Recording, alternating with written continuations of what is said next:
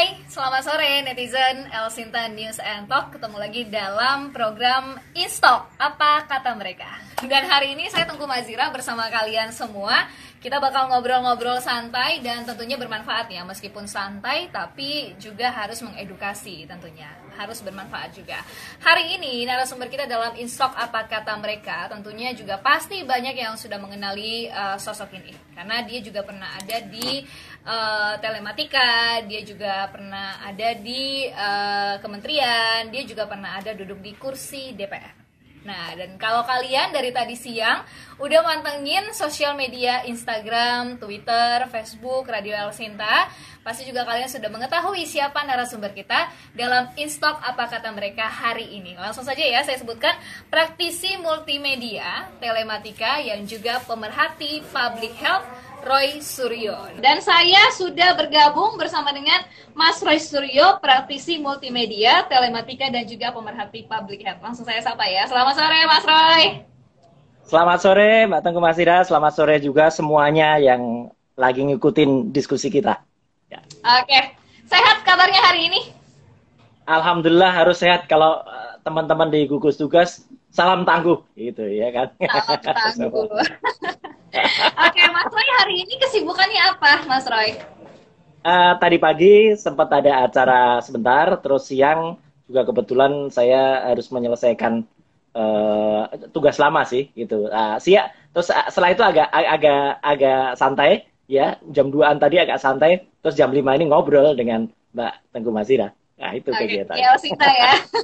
ya.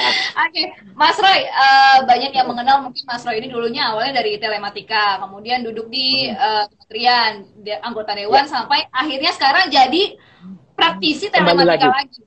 Kenapa ya. nih alasannya? Nggak apa-apa, itulah uh, kehidupan manusia kayak roda gitu kan. Roda itu kan kadang-kadang di bawah, dia bisa di samping, di atas, kemudian samping lagi, balik ke bawah lagi, dan ini ya. lagi muter lagi jadi nggak di nggak terasa loh uh, semua yang ngikutin IG-nya El Sinta dan di bawah Mbak Masira ya. Saya tuh udah 15 tahun di politik ya. Jadi nggak terasa aja udah 15 tahun dan dan menurut saya uh, eh, 15 tahun tuh mulai dari 2005. Awalnya ketika dulu uh, saya masih di pengamat telematika waktu itu diminta langsung oleh Presiden ke-6 waktu itu Pak SBY untuk membentuk uh, yang namanya website resmi kepresidenan yang pertama di Indonesia. Jadi sebelumnya kan belum ada website resmi kepresidenan. Nah, waktu yeah. itu saya dan beberapa kawan, saya Pak Heru Nugroho, Pak Madi Weryana, Pak Budiono Darsono, itu kami diundang ke istana, kemudian diminta untuk membuat www.presidensby.info. Nah, itu awalnya saya masuk ke dunia perpolitikan. Ya, meskipun belum belum jadi anggota dewan waktu itu, ya gitu. Jadi masih sebagai uh, pengamat uh, eh, IT dan kemudian bergabung di apa uh, tim kepresidenan. Nah, 2009 seperti tadi yang Mbak cerita, saya masuk ke DPR, uh, kemudian di Komisi 1, terus lanjut sempat juga nyebrang ke Kementerian Pemuda dan Olahraga ya karena diminta untuk menggantikan Mas Andi Alfian Malarangang di sana ya. ya. Kemudian balik lagi ke DPR sampai dengan kemarin 2019.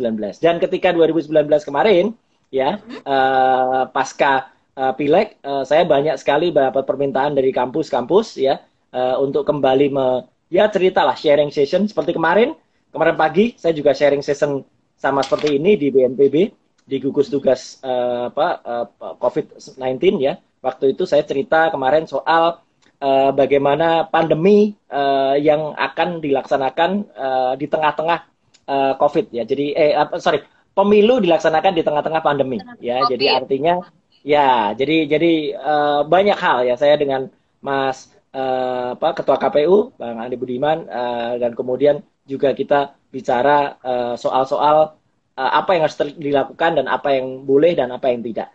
Dan itulah ilmu kemudian kita dipakai. Nah, kalau saya masih sebagai orang politik, jadi sekali lagi mungkin mungkin mungkin ada yang belum tahu loh, Mbak.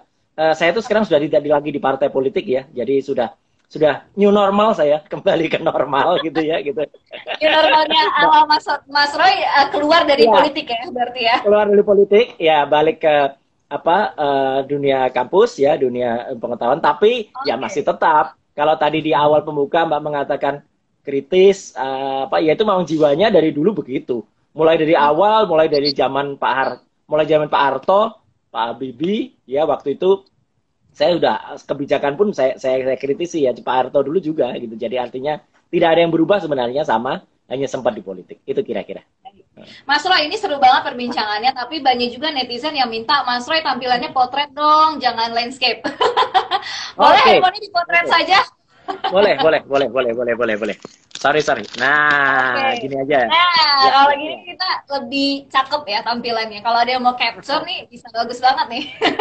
sama aja, yeah. sama aja potret atau landscape sama. Ntar, ntar di gini aku, aku ntar dikira nunjukin yang ada di belakang. Padahal enggak ya, itu, itu, itu biasa itu.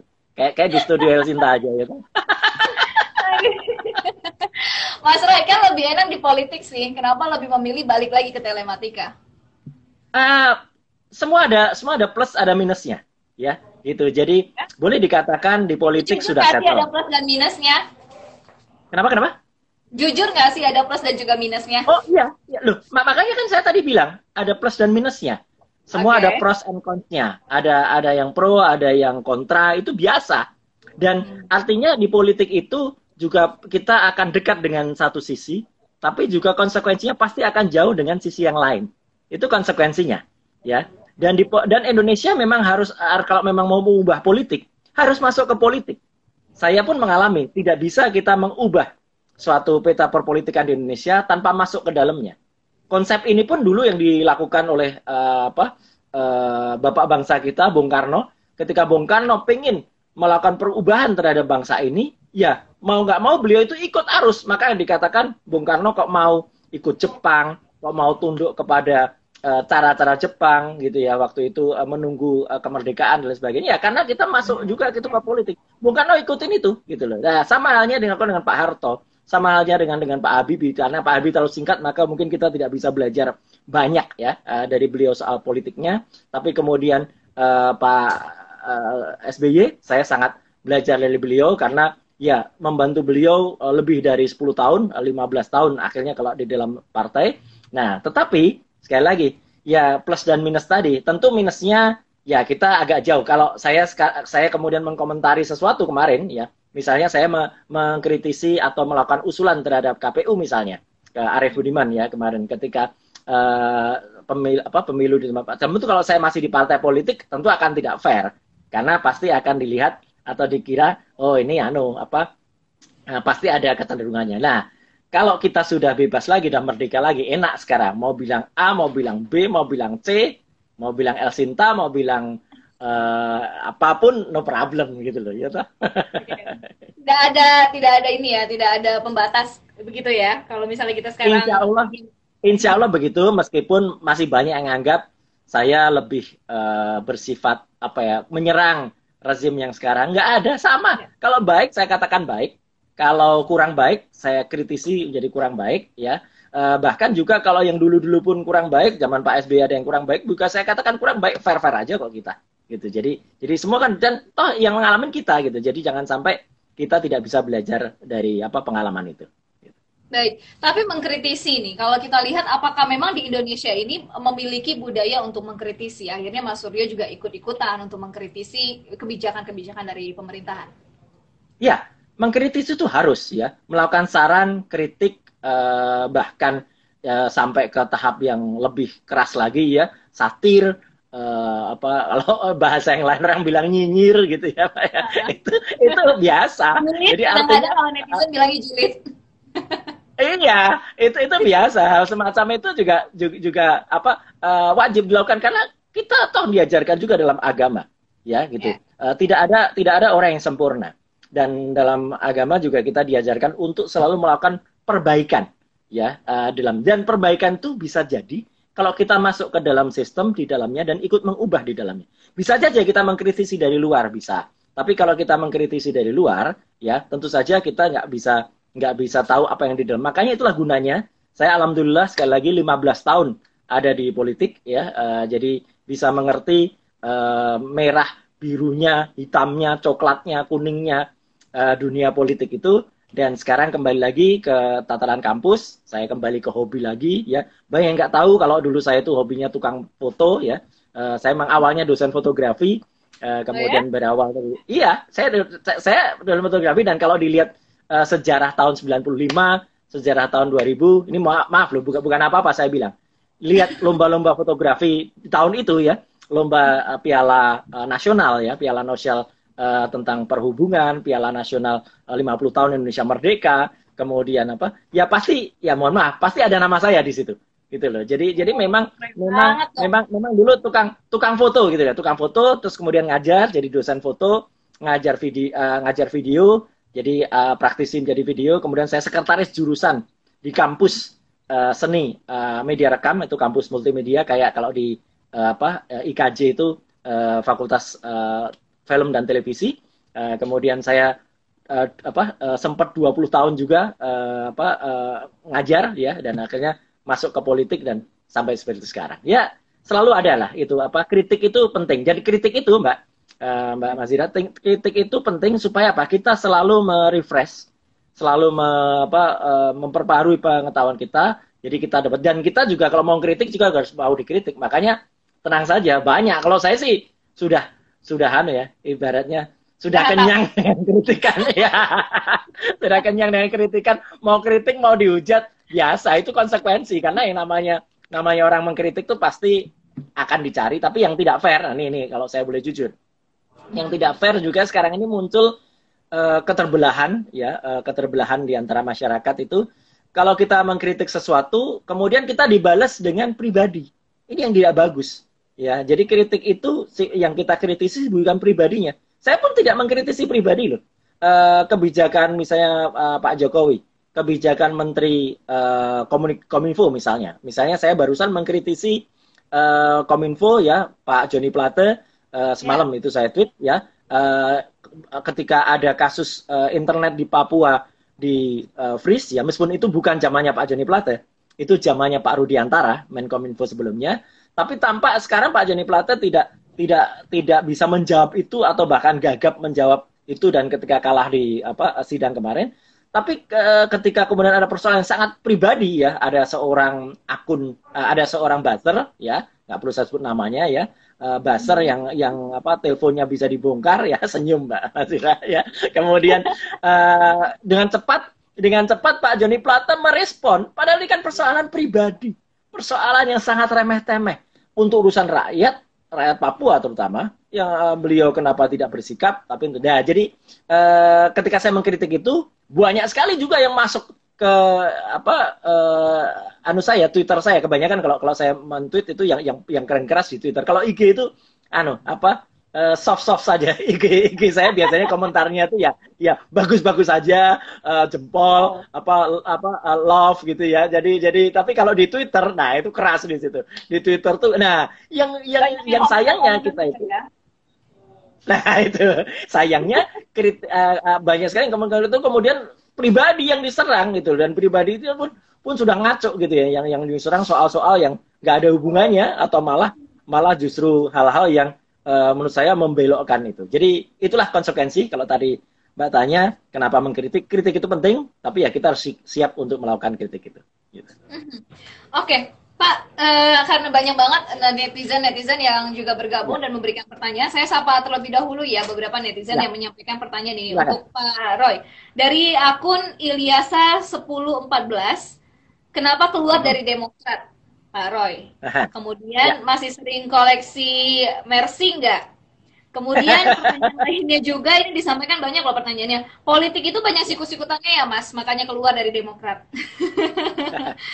Ya. Nah, kemudian dari akun uh, Elias Nathanael Papahan ya. mau bilang wu. Nah, ini kan kalau wu itu kan terkenal waktu masih duduk di DPR ya. Mas Iya, iya, iya. Betul. Dan ya. ada juga yang bilang, wah nggak ada lagi dong yang bilang wu di DPR. Silakan. Dan ditanggapi nih netizen-netizen kita. Oke, okay.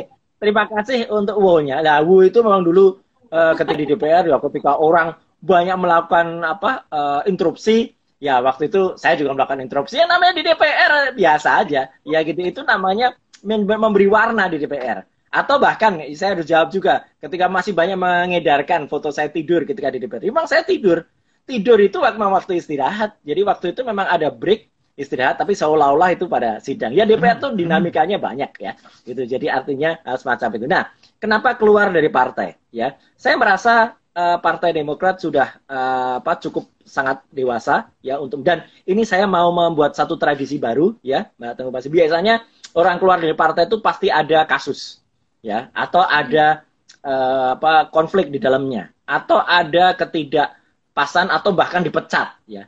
Saya mencoba tradisi baru, saya keluar dengan sangat baik ya uh, dari partai. Saya uh, pamit baik-baik, saya mengajukan surat pengunduran diri uh, pada tanggal 11 Maret kemarin ya. Kalau 11 Maret orang kan biasanya ingatnya Super Semar ya kan surat perintah 11 Maret ya.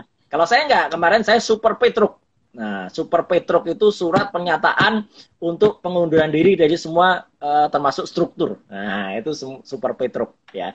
Gitu. Jadi saya pamit baik-baik.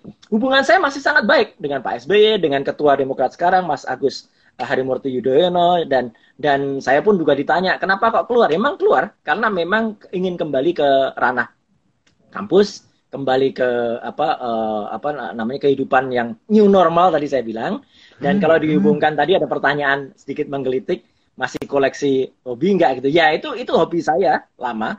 Jadi artinya saya memang hobi uh, sebuah kendaraan, nggak perlu disebutkan mereknya ya tadi ya. Saya penasehat di klub itu, uh, juga saya juga penasehat di PPMKI, uh, pembina di PPMKI, pem, uh, Perhimpunan Penggemar Mobil Kuno Indonesia, uh, termasuk bagaimana merestorasi kendaraan-kendaraan X tokoh-tokoh milik bangsa ini dulu ya, Menteri Penerangan pertama ada di tempat saya, uh, mobilnya Bung Karno ada di teman-teman. Ya, itu adalah salah satu cara kita menghargai sejarah.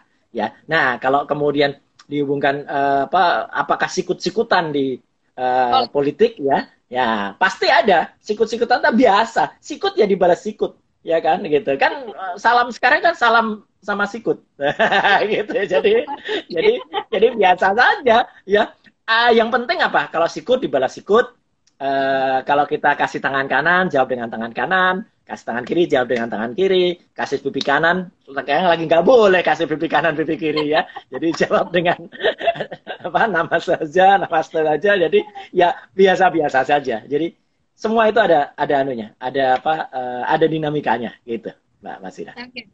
Dari akun Ahlif Mulwasin men ber, menyampaikan ini itu yang di belakang Pak Roy semua acara televisi Pak dipantau itu apa uh, ya ini hobi lama ya. Ini hobi hobi lama saya uh, oh. dan juga uh, ini selalu ada di di setiap saya berada. Saya kebetulan sekarang lagi ada di Jakarta, tapi di Jogja juga seperti ini. Jadi kalau dulu sempat ada yang memviralkan lagi, Mbak Masira, ada yang memviralkan lagi uh, saya punya apa ya mainan di rumah Jogja, ada koleksi parabola dan lain sebagainya. Ya gunanya seperti ini. Jadi artinya artinya kita bisa bisa melihat dunia karena Indonesia itu sangat disayangkan kalau orang Indonesia itu tidak uh, bisa memanfaatkan posisi geografis kita yang sangat luar biasa. Indonesia itu berada di tengah-tengah garis katulistiwa. Di atas garis katulistiwa itu ada objek geostasioner di mana uh, 136 km di atas Indonesia itu tempatkan satelit-satelit. Dulu kita awalnya itu uh, raja satelit di ASEAN ya waktu itu Palapa uh, tanggal 9 Juli 76 zaman Pak Harto kita launching. Setelah itu di atas itu banyak sekali satelit. Indonesia punya Palapa, Malaysia punya Measat, Filipina punya Agila, uh, Thailand punya Taikom, uh, Amerika punya Panamsat dan lain sebagainya. Dan itu semua ada isinya, ya kan gitu. Dan saya misalnya saya di Jogja gitu ya, Mbak, saya pun bisa juga nonton TV El Sinta, ya meskipun saya di Jogja, meskipun jangkauannya nggak sampai Jogja gitu kan. Tapi tapi saya tetap bisa nonton itu, saya bisa menyaksikan apa yang ada di penjuru uh, tanah air, termasuk juga yang ada di penjuru dunia. Jadi artinya hmm. itu memang hmm. hobi ya, hobi yang kemudian kita lakukan dan ini bukan buat main-main ya. Ini buat kerja. Kalau ya. jadi artinya kerjanya artinya, maksudnya itu memantau uh, gimana nih? Kalau maksudnya ya. kerja, memantau semua dilihat atau dikritisi kemudian acara-acara gitu. Masalah. Ya, tidak semuanya dikritisi, Mbak, gitu kan kan kan nggak mungkin juga gitu kan. Tapi kita juga misalnya kita juga misalnya me, apa melihat perkembangan itu. Kayak kenapa saya bisa mengkritisi perkembangan COVID-19 di Indonesia. Ya, kenapa waktu itu saya dengan keras mengkritik ketika Presiden mengimpor Avigan dan uh, apa kloroquine waktu itu, karena saya sebelumnya sudah tahu dari uh, eh, WHO ya uh, sudah mengeluarkan detail itu. Kebetulan itu ilmu saya yang lain di public health ya. Uh, kemudian saya bisa monitor uh, siaran langsung uh, dari PBB dan juga dari ketika ada rapat apa di WHO ada di sana, kemudian ada ilmu itu, kemudian bisa disalur. Jadi ini pengetahuan semua, ya ini pengetahuan semua yang bisa kita gunakan. dan tidak ada yang uh, hmm. yang yang saya tonton tuh sifatnya hiburan itu porsinya sangat sedikit ya kebanyakan justru uh, berita. Dan berita juga saya juga bisa menyaksikan misalnya adalah hal-hal yang ada hubungannya dengan uh, geopolitik di ASEAN gitu misalnya. Kenapa uh, saya juga bisa nonton TV Myanmar TV Kamboja ya kemudian hal lain yang gunanya juga untuk referensi kita untuk ngajar Mbak Tengku Mas karena saya juga mengajar komunikasi ya, ya. Jadi untuk mengajar kemudian uh, kalaupun harus ada hiburan yang saya yang saya ambil ya. Saya hiburan biasanya yang saya ambil adalah film film-film dokumenter ya. Misalnya dari National Geographic atau Discovery misalnya dalam the making of apa gitu. Atau uh, behind the scene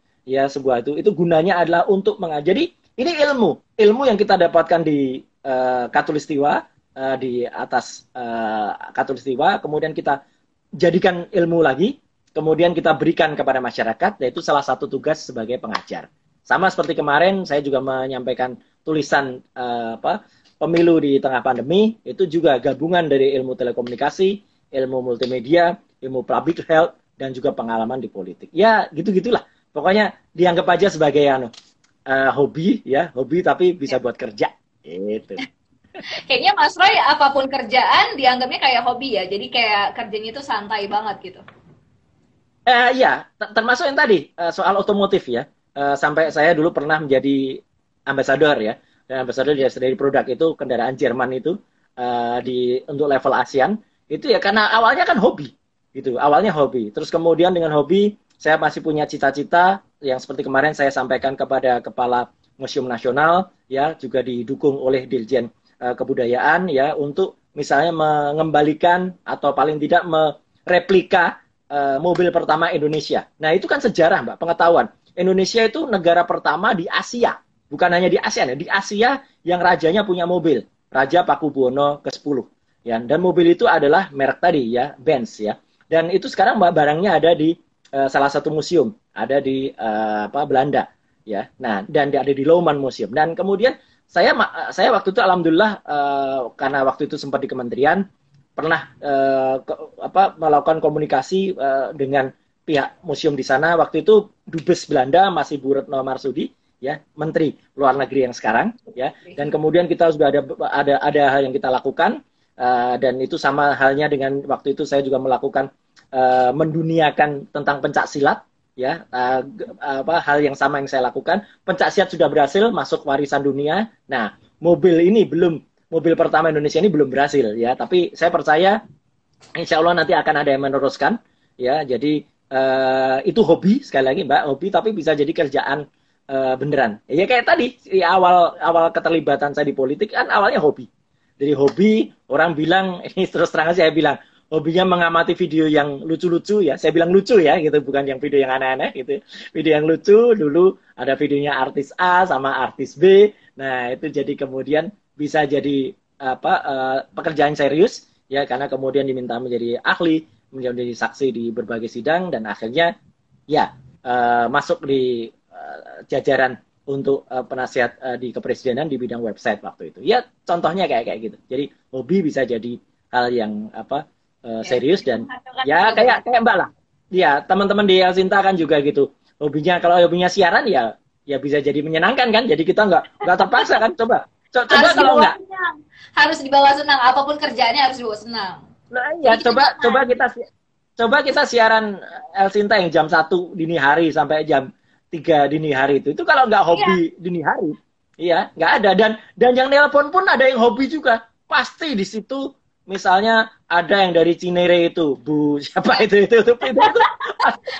jadi masuk. jadi ini Els itu jadi ikut dikritisi nih berarti bukan ini ini ini ini ini ini salut saya salut saya terhadap Elsinta gitu ya. Jadi artinya artinya juga dan dan dan harus mengikuti teknologi kan? Ketika iya. misalnya dulu orang uh, hanya radio itu sepihak ya atau searah. Kemudian ketika uh, live and talk ya itu jadi apa uh, istilahnya uh, kemenangannya El Sinta uh, untuk untuk untuk kemudian didengarkan. Dan kemudian uh, orang kalau ingat live apa uh, live and talk yaitu ingatnya El Sinta uh, semua juga ingatnya selalu uh, di Jakarta ya 90 MHz nah tapi ya live and talk ya tapi tapi kemudian ketika teknologi bergerak sudah ada Instagram yang bisa live seperti ini Dan sekarang rata-rata anak-anak tidak ada lagi yang membawa radio FM ke mana-mana. Jadul banget kalau bawa radio FM kan gitu. Tapi bawanya gadget. Dan ketika membawa gadget ya, kemudian kita bisa ikut interaksi di dalamnya. Kita yeah. bisa melakukan IG live di dalamnya. Nah itu El Sinta masuk situ. Itu kan bagus. Ya namanya itulah diversifikasi media. Dan kemudian di situlah uh, kita memanfaatkan dengan betul, baik. Dan harus ke situ. Itu keniscayaan. Kayak pemilu. Pemilu saya kemarin juga bilang ke Pak Arief ya pemilu itu sebuah keniscayaan untuk uh, besok itu harus ada yang dilakukan dengan uh, teknologi. Meskipun coblosannya harus tetap manual dulu karena uh, harus menghilangkan dulu apa ketidakpercayaan, tetapi yang namanya tahapan-tahapannya itu bisa berlangsung. Makanya saya sebut kemarin di apa gugus tugas percepatan penanganan COVID ya, saya juga pilkada 2020 itu hybrid. Hybrid itu gabungan antara yang kita melakukan secara langsung uh, atau konvensional Artinya pendaftarannya masih langsung, coblosannya langsung, tapi kampanyenya, kampanyenya itu dilaksanakan dengan interaktif atau dengan virtual semacam ini. Jadi itulah kayak roda juga, Mbak. Roda itu berputar. Iya. Orang yang tidak mengikuti rodanya, ya kegiles sama rodanya. Coba uh, news at, apa uh, presenter atau anchor di di Sinta tuh dia bisa manfaatkan teknologi. Dia dia nggak bisa manfaat mulai dari awal ya. Kebetulan dulu saya pernah siaran juga, Mbak, di salah satu radio gitu ya di Jogja. Oh, ya okay. gitu uh, kalau kalau kalau dulu uh, kita masih uh, tidak bisa mengoperasikan uh, mixer, tidak bisa mengoperasikan uh, tape waktu itu masih pakai tape ya. Ya, kalau eh, kalau dulu masih pakai tape, kalau sekarang kita nggak bisa menggunakan komputer, pasti akan ketinggalan. Dan yeah. uh, saya saya bersyukur uh, ma masih masih berkesempatan waktu itu uh, bagaimana cara kita memutar kaset, uh, memasukkan jari kelingking kita di kaset, ya untuk untuk untuk uh, supaya bisa pas pada satu uh, lagu awal kemudian tekan pause tekan play kemudian sampai yeah. VU meternya tuh goyang nah itu berarti lagunya mulai diundurkan sedikit masuk. Nah itu kalau sekarang kan enak sekali cukup pakai apa oh dulu ribet banget ya Mas Roy ya. Ribet kalau ribet dulu siaran. harus gulungin uh, pita kaset harus rapi oh. bahkan dulu sebelum kaset kan juga ada piringan ya kalau kita mau beli nah, dulu aku masih ngalami Aku masih ngalami uh, zaman zaman apa? Zaman piringan hitam ya. Artinya artinya dulu kan ada ada hal-hal tertentu yang yang harus kita lakukan dengan piringan hitam gitu. Bahkan zaman-zaman uh, apa uh, film pun masih masih berupa nah ini ini ini ini ini ini, ini, ini karena karena karena gunanya untuk ngajar. Nah, film itu masih yeah. berupa kayak gini. masih berupa laser disc ya. Dulu pun kita juga lakukan apa uh, hal itu dan itulah masih ada gunanya. Jadi artinya kita sebagai manusia dibekali oleh Allah Subhanahu wa taala otak kiri dan otak kanan itu untuk kemudian bisa ngikutin dan itu jawaban juga dari pertanyaan kenapa keluar dari politik ya menurut saya sudah saatnya saya kembali merefresh saya saya harus banyak belajar lagi saya akui mbak saya harus banyak belajar lagi di dunia uh, ini kemudian balik lagi montah nanti suatu saat mungkin bisa kembali ke politik lagi ya ya nggak tahu uh, kita tidak pernah merancang karena yang apa pun yang kita rancang Allah Subhanahu wa taala itu yang yang paling apa uh, menentukan. Itu. Iya. Gitu. Kalau tadi Mas Roy cerita uh, hobinya otomotif ya. Hmm. Dan kalau hmm. Indonesia ini kan juga pernah waktu di masanya uh, Mas ya. Roy menjabat, waktu itu pernah juga nggak sih sempat test drive mobil SMK? Pertanyaan yang nakal. dan dan bukan hanya test drive, Pak. Enggak, saya, saya harus bilang terus. Kalau hobi harusnya pernah. bukan hanya pernah bukan hanya pernah. Saya buka terus terang, Mbak. Okay, Silakan buka berita.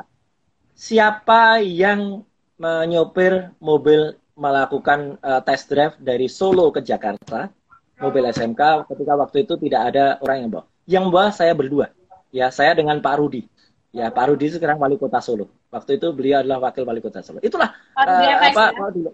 Iya, iya. Uh, artinya kita membawa mobil yang uh, belum dites, mobil yang masih banyak uh, apa uh, gangguannya dan waktu itu saya banyak melakukan apa kritisi juga terhadap mobil itu. Ini posisi koplingnya kurang begini, ini uh, sontokannya uh, rem kurang begini, uh, di mesin uh, muncul ada masalah di karburatornya karena waktu masih pakai karburator. Ketika di tol uh, Jatingaleh di Semarang ada ada goyang ke kanan ya itu itu karena bearingnya kurang begini itu itu semua ada. Dan ketika di Serpong, ketika sampai di Jakarta uh, saya lah yang menunggu ketika uh, apa mobil SMK itu uh, dilakukan uji ya uji untuk mendapatkan sertifikasi Dan awalnya SMK memang tidak lulus uji, ya. Jadi ada ada persyaratan yang dia tidak tidak clear, tapi akhirnya lulus juga. Sayang, saya harus bilang sayang.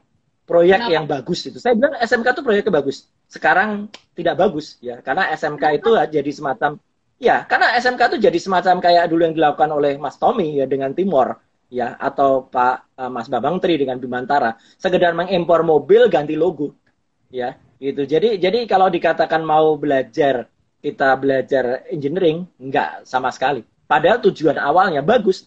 Tujuan awalnya apa SMK itu adalah membuat anak-anak SMK membuat produksi mobil dan saya yakin kalau itu dilakukan dengan niat yang baik sebenarnya itu bisa. Cuman sayang tidak jadi ya. Jadi artinya uh, sayang banget. Elsinta pun dulu live. Saya ingat betul saya diwawancara uh, Elsinta sembari jalan dini hari waktu itu uh, perjalanan dari Tegal ke Jakarta. Ya, jadi jadi kebetulan waktu itu yang nyopir Pak Rudi, saya yang di live Elsinta. Uh, kemudian kita di mobil itu terus perjalanan sampai sampai daerah uh, apa uh, Cikampek ya dan kemudian setelah itu masuk kota dini masuk Jakarta dini hari jam 4 pagi dan kebetulan uh, terus sampai ke sana. Tapi ya ya itulah. Jadi kalau ada orang menghubungkan itu politik apa, anu saya melihatnya waktu itu pure. Saya ingin bantu anak-anak SMK waktu itu untuk uh, menjadikan ilmunya. Perkara kemudian itu jadi guyonan atau jadi bahan bahan politik sekarang ya itu terserah orang yang melakukan. Dan saya pun juga fair aja ketika uh, apa SMK itu tidak tidak berjalan sebagaimana mestinya ya saya sudah tidak lagi di sana. Itu aja. Gampang aja. Oke, okay, Mas Roy, karena kita tidak punya waktu yang lama ya untuk ngobrol-ngobrol ini, padahal nah. seru juga sih kalau ngobrolin hobi dan juga sekarang Mas Roy yang uh, mengkritisi banyak hal, terutama untuk kebijakan pemerintah. Nah ini uh, sejak dulu ada di perpolitikan, duduk di pemerintahan, duduk juga di anggota dewan, banyak banget kontroversi-kontroversi yang tentunya didapatkan oleh Mas Roy. Menjadi sorotan ya, ya itu. Ya. Tapi saya pengen tahu juga nih, menanggapi netizen yang kadang-kadang kalau ngomong bilangin Mas Roy itu julid, Mas Roy itu berisik. Hmm. Mas Roy itu ya. memberikan kritik yang tidak ada manfaatnya. Gimana netizennya? Gak apa-apa. Gak apa-apa uh, itulah itulah yang namanya itulah yang namanya orang itu tidak akan bisa 100% berpihak ke kanan atau ke kiri. Saya tetap berterima kasih, Mbak. Jadi artinya uh, teks saja di Twitter saya ya. Ketika ada yang sangat pedes, sangat keras ya saya pun dengan senyum aja saya tanggapi dengan santai. Ya. Gak santai aja ya, enggak enggak enggak. Enggak, enggak, enggak, enggak, boleh dimasukkan ke hati ya gitu. Karena karena hal kayak gitu ya harus kita terima Uh, termasuk juga kalau saya uh, apa melakukan sesuatu dan kemudian dikritik ya. Kecuali uh, apa uh, dan memang kritik itu kan memang ada yang sangat-sangat keras ya, ada juga yang uh, sampai ke fitnah ya. Nah, kalau saya fitnah harus saya jawab. Misalnya terus terang saja, sampai dengan sekarang masih ada yang uh, kudet ya, uh, kurang update, misalnya menunjuk wah itu uh, soal Kemenpora, soal barang-barang, itu kan hoax saja. Ya dan saya sudah sudah sudah menjawabnya dengan hukum dan sudah memenangkan kasus itu di pengadilan dan terbukti clear ya tidak ada hal sama sekali dan bahkan ya ya itulah yang namanya Tuhan Maha Kuasa bahkan orang yang meributkan malah yang sekarang masuk uh, dengan kasus yang lain ya kan? Jadi artinya ya semua kita jawab dengan senyum saja tapi tidak semua mbak. Uh, tidak semua harus dijawab. Itu saya juga mohon maaf. Kadang-kadang ada yang ada yang marah ke saya mas kok dia dijawab kok ini enggak? Gitu. Ya kalau ada yang memang tidak tidak dijawab kan juga masa kita kerjanya tiap hari jawab Twitter? Kan enggak kan nah soal soal berisik ya dari dulu beginilah gitu. Berisik itu kan juga bagus untuk apa uh, kesehatan kita gitu. Kalau kita nggak berisik, otak kita nggak berpikir, uh, kita nggak kritis gitu loh. Uh, sama halnya dulu. Ini, ini, ini terus terang aja.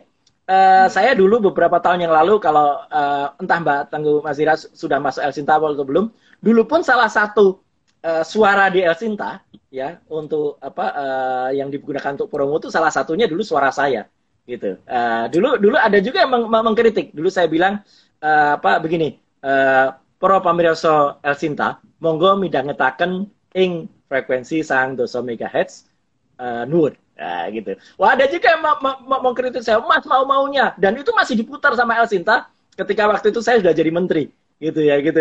Ada yang bilang mas mau maunya gitu loh. Bukan mau maunya, orang itu memang memang memang harus bisa di mana-mana, gitu ya, gitu. Mau di apa uh, di depan. Dan dan insya Allah mbak ini jaminan saya. Saya nggak akan berubah. Dari dulu saya kayak gini kok.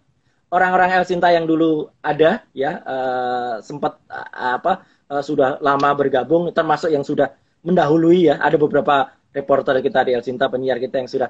Itu pun saya apa uh, dulu kenal baik ya dan dulu belusukan ke studionya yang di Joglo pun dulu juga juga dulu juga di, di, dilakukan gitu loh. Artinya artinya tidak ada insya Allah nggak ada yang berubah ya. Okay. Tetapi hanya mungkin hanya waktu saja yang yang apa yang kadang-kadang dulu waktunya bisa panjang, bisa ngobrol, sekarang bisanya waktunya pendek gitu aja. Jadi sekali lagi kalau soal kritik atau berisik, saya juga yeah. tidak tidak sempurna kalaupun ada yang ada yang misalnya kemarin mengatakan ngapain sih hal kayak gitu yang remeh-temeh itu dikritik bukan remeh-temehnya yang dikritik ya itu ada prinsip yang pasti akan saya saya kejar gitu nah itu uh, betul tuh komentar Mbak Niken almarhumah itu tadi Mas Ari Ristamaji yang yang menulis itu itu itu yang dulu kita apa uh, dulu sangat sangat sangat ngobrol akrab dengan beliau ya uh, eh, yeah. dan kemudian uh, ya itulah kan kita tidak pernah tahu kapan kita bisa bersama-sama kapan kita bisa uh, sudah tidak bersama lagi. Jadi ya, ya kalau ingat itu aja udah nikmati aja hidup. Itu Mbak Mansura. Oke, banyak yang mendoakan agar Mas Roy tetap sehat selalu dan tetap semangat menjalankan Amin. aktivitasnya. Kemudian Amin. juga ini banyak sekali yang menyimak loh. Tadi juga ada yang bertanya di belakang Mas Roy itu apa? Tadi sudah disebutkan oleh Mas Roy ya, itu salah satu hobinya Mas Roy.